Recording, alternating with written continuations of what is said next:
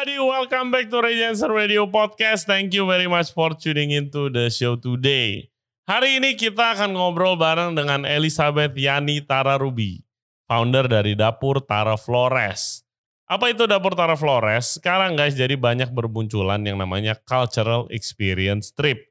Jadi kalian vacation, jalan-jalan ke satu daerah, itu bukan hanya untuk foto dan bersenang-senang, tapi juga untuk belajar budaya daerah tersebut mulai dari budaya pakaian, fashionnya, budaya tari-tariannya, arsitekturnya mungkin, dan juga of course makanannya. Jadi kan banyak banget nih makanan daerah yang jadi centerpiece di uh, upacara adat misalnya atau upacara makan-makan.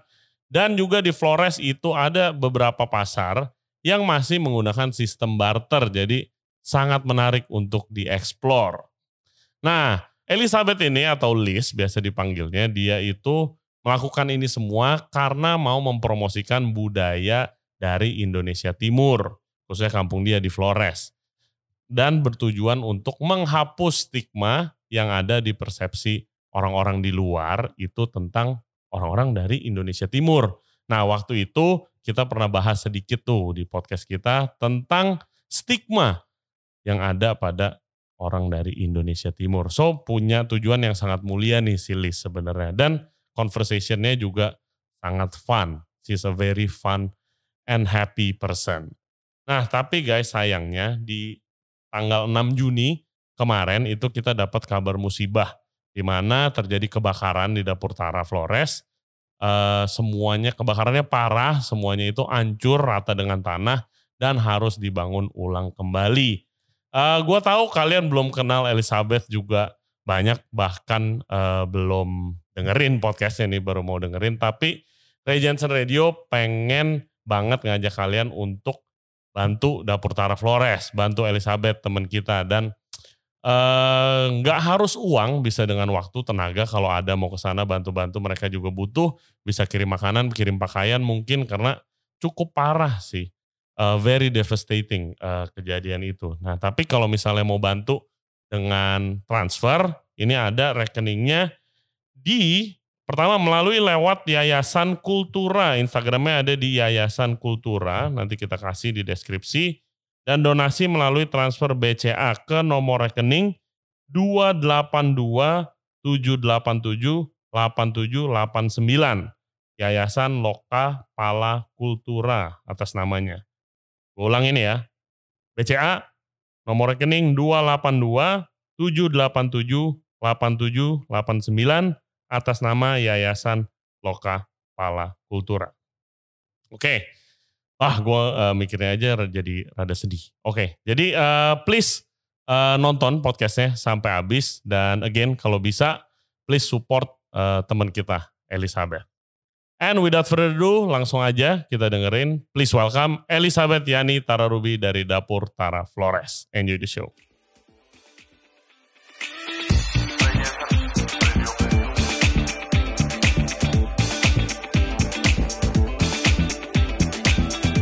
Halo semuanya, welcome back to the show Regency Radio Podcast. Nah, di Ubud Food Festival, ini episode kita yang kedua nih podcast di Bali, itu banyak banget uh, gua kenalan sama orang-orang yang keren dan gua langsung kenalan dan ngonci ngajak podcast. Nah, kenapa? Karena pertama tinggalnya jauh banget.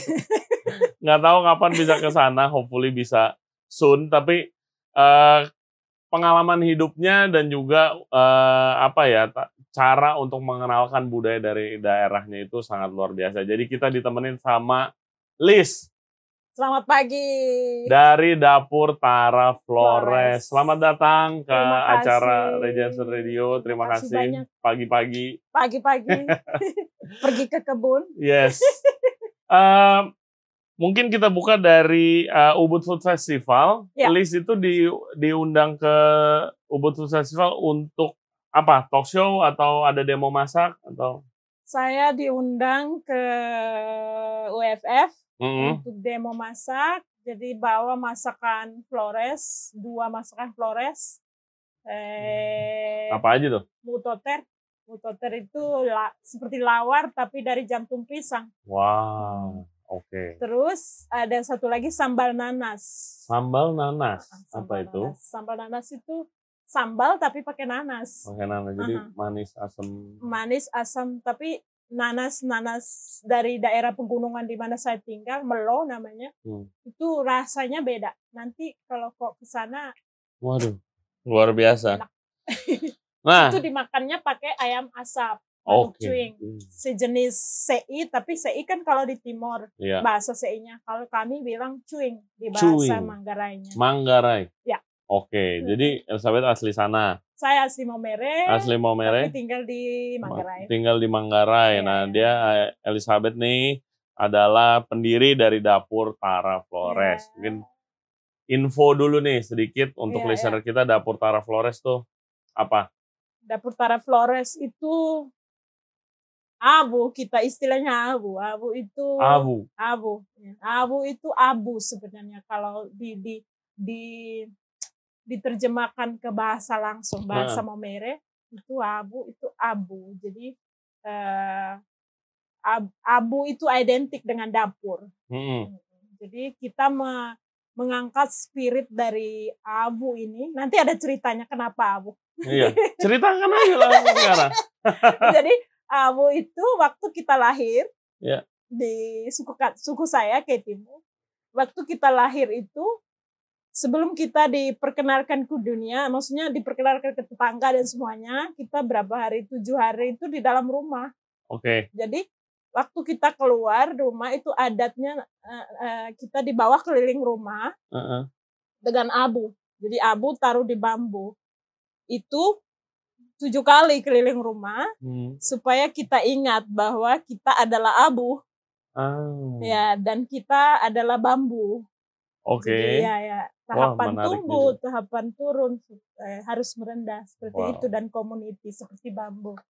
Jadi dari spirit itu lahirlah uh, dapur Tara ini. Tara sendiri itu nama dari moyang saya. Oke. Okay. Jadi nama moyang saya, bapak saya Tara Ruby. Uh, eh, yang kita mau honor mereka. Tapi bilangnya itu apa sih kalau sekarang kan kalau saya kemarin di UFF juga hmm. ngobrol-ngobrol sama uh, Pak Pahrul dari Lombok. Uh -huh. Dia juga membuka uh, kampungnya ya. untuk penginapan ya, ya. dan juga apa ya bisa bilang kayak tourism lah ada ya. aktivitas buat orang yang lagi jalan-jalan ke sana ya. belajar budayanya sekalian dan juga paling penting memperkerjakan dan membantu ekonomi area tersebut yeah, juga. Yeah. Kan. Jadi uh, idenya mulai dari mana? Idenya mulai dari kecintaan uh, terhadap daerah sendiri hmm. tentunya hmm. dari Flores. Saya dari Flores dan saya lihat perkembangan pariwisata di Flores mulai mulai naik, naik hmm. dan rasa cinta ini uh, oke okay, pariwisata kita lihat mulai naik apa yang bisa kita buat dan itu bisa bantu anak-anak dan komunitas atau warga setempat bersama. Hmm. Nah, kenapa list di barat eh, ada di barat karena eh, di bagian barat itu dia berkembang eh, sekarang lebih cepat, okay. lebih cepat. Dan kita mulai ini sebenarnya ada mengangkat juga eh, konsep Flores Living. Flores Living. Ya, Flores Living.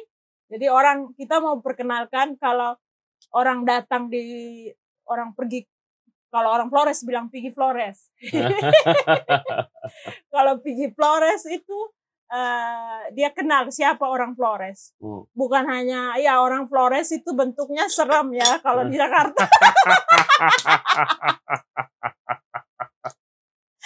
Tapi ada cerita di balik bentuk seram itu. Jadi uh, ini kita bahas dulu satu-satu. Uh, iya. Jadi eh, kenapa emang memperkenalkan itu jadi hanya tidak hanya manusianya saja tapi bagaimana kami hidup hmm. makanan apa makanan apa yang kami makan di hmm. mana hmm. kami tinggal bagaimana kami menari bagaimana kami berrelasi antara satu kabupaten dengan kabupaten lain dengan beda bahasa, beda budaya dan lain-lain. Hmm. Sebenarnya mau angkat seperti itu. Seluruh budayanya. Ya, seluruh budayanya. Jadi ini cerita dapur Tara ini bukan sekedar makan memakan, masak memasak, tidak. Hmm. Ada banyak sekali kan di sana kita ada kebun juga. Hmm. ada rumah untuk tinggal, ada binatang yang kita pelihara, uh, punya spirit masing-masing.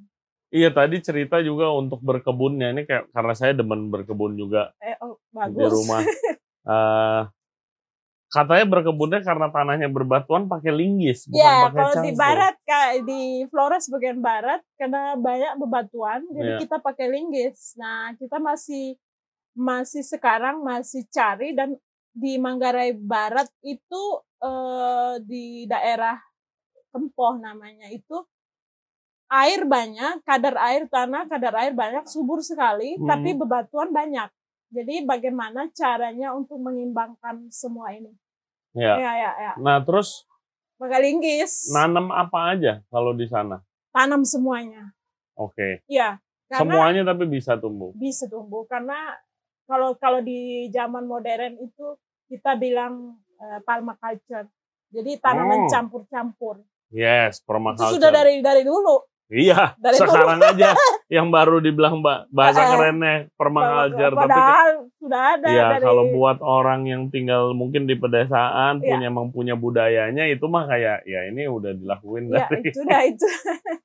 ya, ya, ya, ya. Terus eh, di sana aktivitas yang kalau misalnya saya datang ke sana Iya. nih itu bisa selain makan, of course, masak, Iya. tadi berkebun, apa apalagi yang Jadi bisa eh, kalau Koko datang ke sana itu ada welcome-nya. Hmm. Jadi eh, saya kerjasama dengan Bapak Primus, Ya. eh, Opa Primus itu eh, membantu untuk karena itu budaya Manggarai. Hmm, Jadi Opa Primus punya sanggar. Jadi kita eh, jo- eh, ngajak join dengan kita. Jadi ada eh, penerimaan secara adat. Oke. Jadi ada tuak put, tuak raja di depan, tuak turu namanya, Wow. nanti masuk dengan upacara dengan ayam, habis itu kita minum. Jadi kalau datang ke rumah orang Indonesia atau orang Flores, itu tidak kopi duluan Hmm, sebenarnya. Oke. Siri pinang dulu. Sirih Pinang. Nah, Apa itu? siri dengan pinang, Oke. siri pinang. Itu makan siri pinang dulu. Oh. Baru ngomong-ngomong baru nanti ada suara ah mama atau ini buat kopi Hmm. tapi tidak buat kopi putar kopi kalau di Flores putar kopi puter kopi. Puter kopi tuh bikin kopi gitu, Bikin bikin kopi, kopi. iya, iya, Oke, wow. Kopi. Terus bisa ke hutan foraging juga. ah. Wow. terus itu habis makan terus kalau ada yang waktu lebih panjang kita kenalkan kebunnya Nah, kalau dia nginap di sana oke waktu kita kerja, kerja kebun kita ajak mereka juga kalau mau mereka mau dan kalau ada pesta kita pergi ke kampung joget sama-sama Wah, pakai luar sarung biasa, dan lain-lain luar biasa. Iya, Iya, semakin ke sini itu ya karena Indonesia juga udah mulai dibuka nih kan Iya. untuk internasional kembali. Jadi saya tuh lihat banyak yang kayak wisata budaya sekarang Iya. gitu loh. Which, uh, which itu sangat membuat saya apa ya happy Iya. gitu loh. Karena kalau di Indonesia kan budaya nggak terhitung banyaknya gitu Iya. kan. Mungkin Sangat di, di kaya. Flores aja jalan misalnya dua jam tiga jam udah beda lagi Beda gitu yang iya, dipakai iya, beda iya. mungkin bahasanya beda Betul, juga itu Indonesia kalau misalnya jualan budaya mah nggak ada habisnya justru itu betul budaya kalau saya lihat aset Ya. aset supaya setuju bisa setuju eh, tourism dan mengambil apa bikin bisnis dan perekonomian makin jalan Mm-mm. gitu kan ya ya tadi kan Liz sempat cerita ke saya tadinya itu seorang bidan. Ya terus habis itu guru di sekolah internasional di Ubud. Ya kok bisa ke sana? Ceritanya gimana? Eh, sebenarnya saya suka campur-campur. Jadi eh, petualangan hidup sebenarnya. Mm-mm. jadi eh, jadi bidan mungkin bukan passion saya. Mm-mm. Hmm, karena eh, jadi bidan itu identik kita ada di rumah sakit atau di klinik dengan segala macam obat-obatan dan lain-lain. betul Sedangkan Li sendiri waktu kecil sampai hari ini masih pakai obat-obat dari hutan, dari alami alami. Jadi Wow. dulu waktu kita kecil pakai bawang merah saja sudah sembuh. Pakai eh, kalau kita sakit panas itu digendong sama orang tua masuk dalam sarung itu sudah sembuh besok. 100% alami ya. alami. Jadi eh, lama-lama lama saya bilang "Hmm." dan orang kebanyakan kalau melahirkan Hmm. itu di waktu saya kecil itu di rumah. Iya, Ya. iya. Nah, sekarang masih ada ada banyak sekali peraturan-peraturan di di negeri kita, di pemerintah harus di rumah sakit, harus begini, harus begitu. Iya. Dan saya saya waktu bertanya sama mama saya, eh, kenapa waktu saya masih praktek di bidan, saya bilang, kenapa mama sekarang orang melahirkan kok susah sekali ya? Terus dia bilang, karena mereka terlalu banyak pikir. Hmm. Mereka tidak damai. Oh. terlalu banyak alat.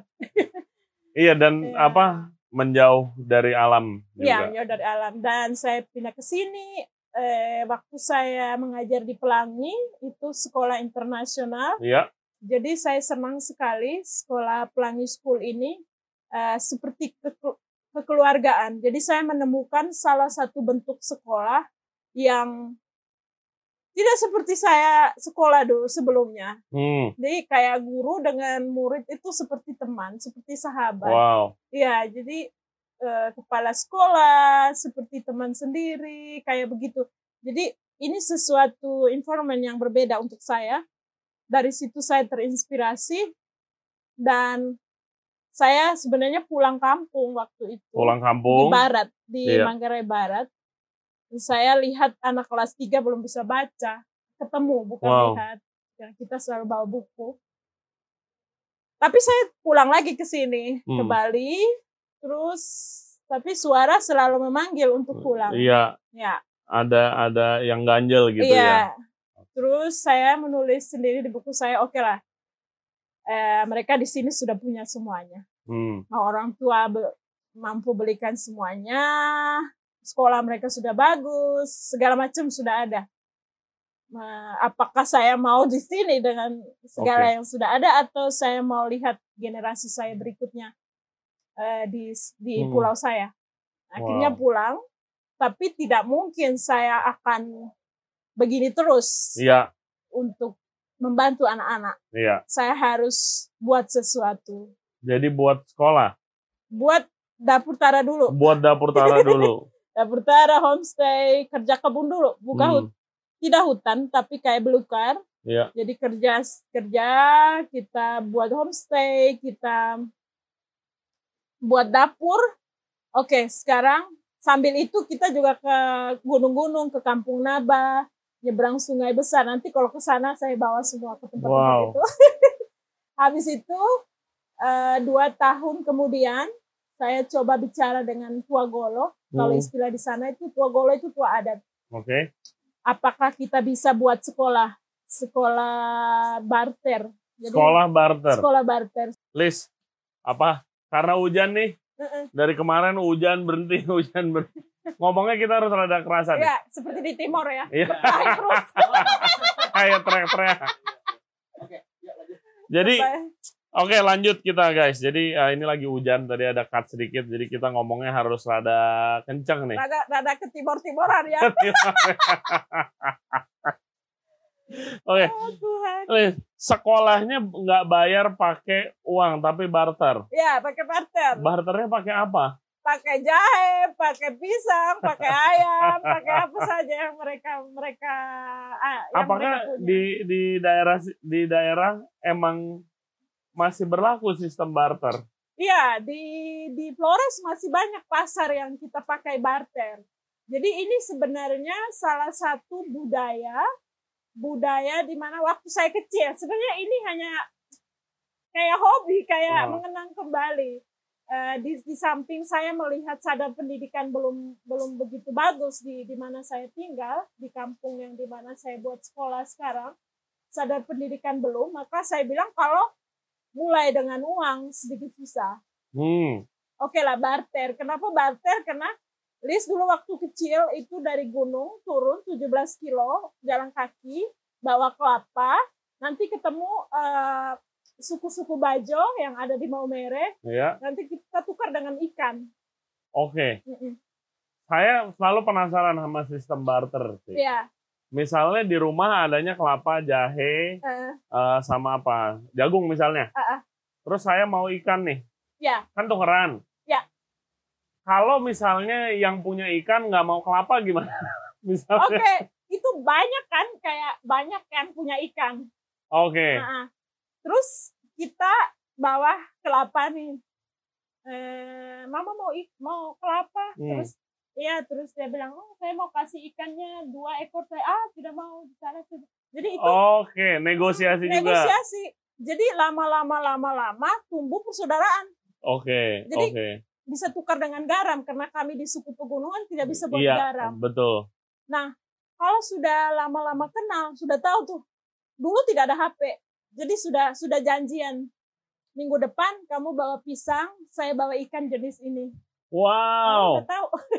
Wah, harus di shoot tuh menarik banget Iya, tuh. iya, iya, iya. iya. Wow, Terus- dan sampai sekarang masih berjalan itu ya. Masih berjalan. Waduh, keren banget. masih Heeh. berjalan pagi pagi pagi kalau kalau jadi dulu itu list jam 4 pagi jam 3 pagi sudah turun dari gunung itu kenapa wajah atau bentuk orang timur tuh kecil karena situasi geografis Situasi geografi. Tuhan. terus saya kenapa saya bawa di sekolah ya Nah, karena satu mengangkat budaya barternya orang Flores Iya. yang kedua adalah why not kalau di edukasi di pendidikan juga kita pakai sistem barter kalau Hmm. ini bisa membebaskan orang tua dari beban biaya sekolah dengan uang betul. ya jadi Betul. eh, dari dari bahan yang mereka tukar dengan pendidikan ini kita bawa ke dapur tarah Oke. Nah, atau nanti kita kasih bibit di orang-orang ini dia tanam Hmm. nanti dia tukarkan lagi ke sekolah nanti bawa ke dapur tarah berapa dari sana kita biaya untuk Wah. eh, gaji guru dan lain-lain iya. Sistemnya sangat-sangat luar biasa sistem sih. tradisional Iya, sistem tradisional iya. yang sangat luar biasa. Iya, makasih Eh, s- kemarin waktu eh, kita ngobrol-ngobrol sebentar, Liz Iya. sempat sebut. Jadi saya mungkin cerita sedikit ya. Saya kan kenal dari budaya mungkin Flores, Iya, iya. Timor. Itu Iya. dari grup dari eh, kita interview juga di podcast ini. Guys, kalau nonton namanya grup Melanesia Bar Star. oke Itu dari eh, Indonesia Timur, orangnya keren-keren, bartender luar biasa semua dari seluruh Indonesia. Itu mereka pengen banget me- apa ya, menaikkan message itu menaikkan derajat dan image dari orang-orang timur di Mm-mm. Indonesia Iya, iya. gitu yang masih banyak persepsinya tuh negatif, ya ya kurang baik gitu Iya, kan. Eh, kenapa sih bisa seperti itu? Dan tadi Liz juga sempat bilang kayak iya kita orang timur suaranya kurang kedengeran nih gitu.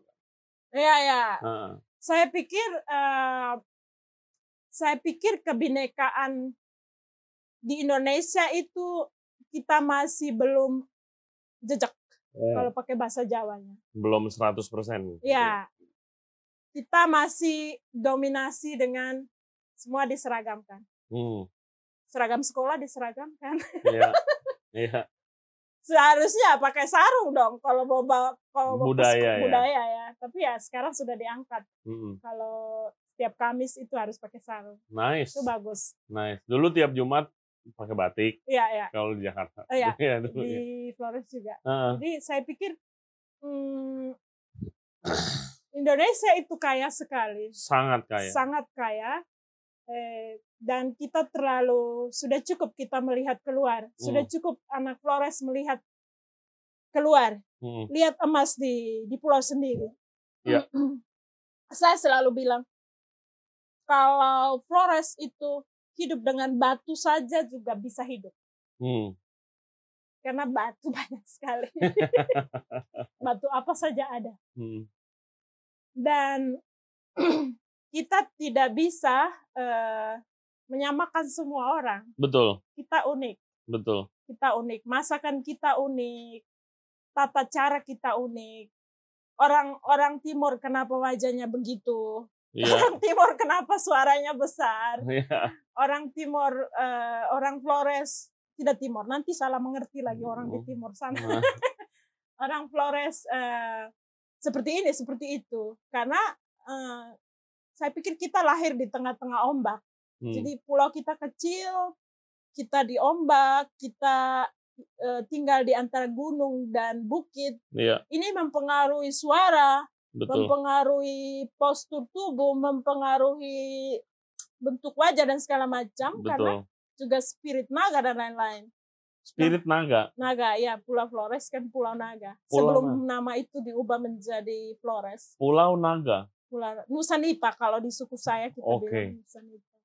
Ada The Island of Snakes. The Island of Snakes. Ya, the big dragon. Wow. Ya, ya. Terus itu maksudnya sampai sekarang jadi apa maksudnya Eh, Itu Pulau se- Naga? Bingung. Seperti seperti spirit kita. Spiritnya Jadi di sana. Spirit yang jadi eh, kayak yang contoh kecil saja kelihatan kalau melihat orang Flores kan nggak ada lembutnya tuh, nggak ada bajanya saja dah dilihat Iya. Hatinya Kalau doang yang lembut. hati ya terus eh, tarian-tarian kita itu dominan tentang fighting Iya. ya terus eh, teriak-teriakannya kita untuk spirit itu eh, dominan keras seperti tarian di Bali atau di Jawa itu semua lembut Iya. kita tidak bisa yang lembut begitu Hmm. musik kita kalau pesta itu bila perlu sampai di langit iya, biasa tinggal di gunung. ya karena eh, pengaruh dari Ring of Fire Hmm. jadi kita ada di cincin api Iya. cincin api ini identik dengan naga Hmm. kami, naga kami. Jadi semuanya nyaring. Semuanya sesuatu yang keras, sesuatu yang straight away. Hmm. Tidak bisa sembunyi di belakang.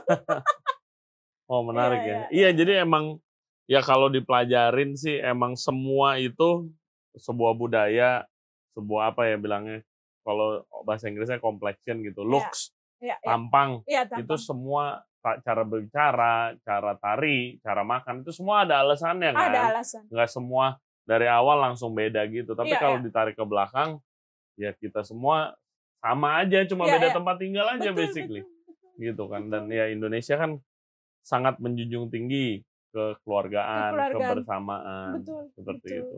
Ya, ya, ya. Terus gimana di UFF ini sudah berhasil memperkenalkan? Ya, Udah. mudah-mudahan. Saya- dari awal saya lihat udah kayak pakai baju selalu pakai baju daerah kan Iya, baju gitu daerah, iya, Iya, iya, itu iya. penting sih. Ya, ya. ya, saya senang diundang ke sini karena mungkin belum semua orang mengenal Flores. Hmm. mengenal karena itu Flores saja. Tapi kalau di dikerucutkan lagi kan banyak sekali suku di Flores.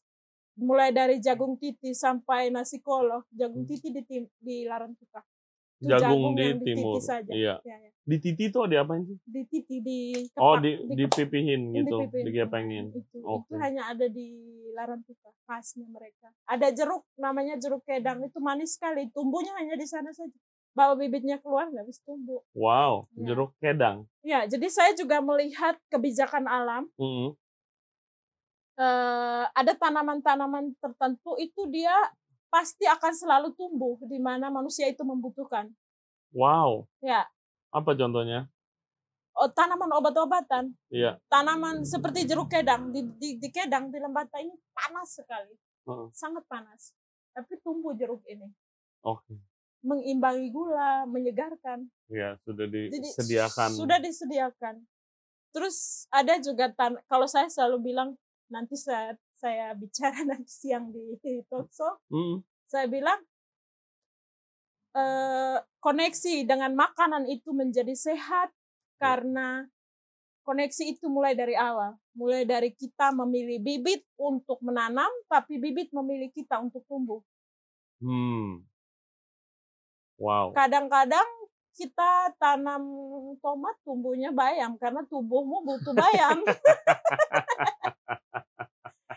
Kadang-kadang kan kita ketemu, kita sudah porsi air sudah bagus nih lihat di internet Iya, air bagus, tanah bagus. Ini manusia zaman sekarang kan segala macam diukur ya.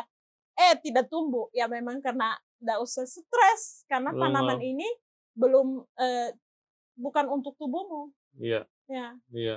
jadi Wow. eh, tidak usah dipaksa.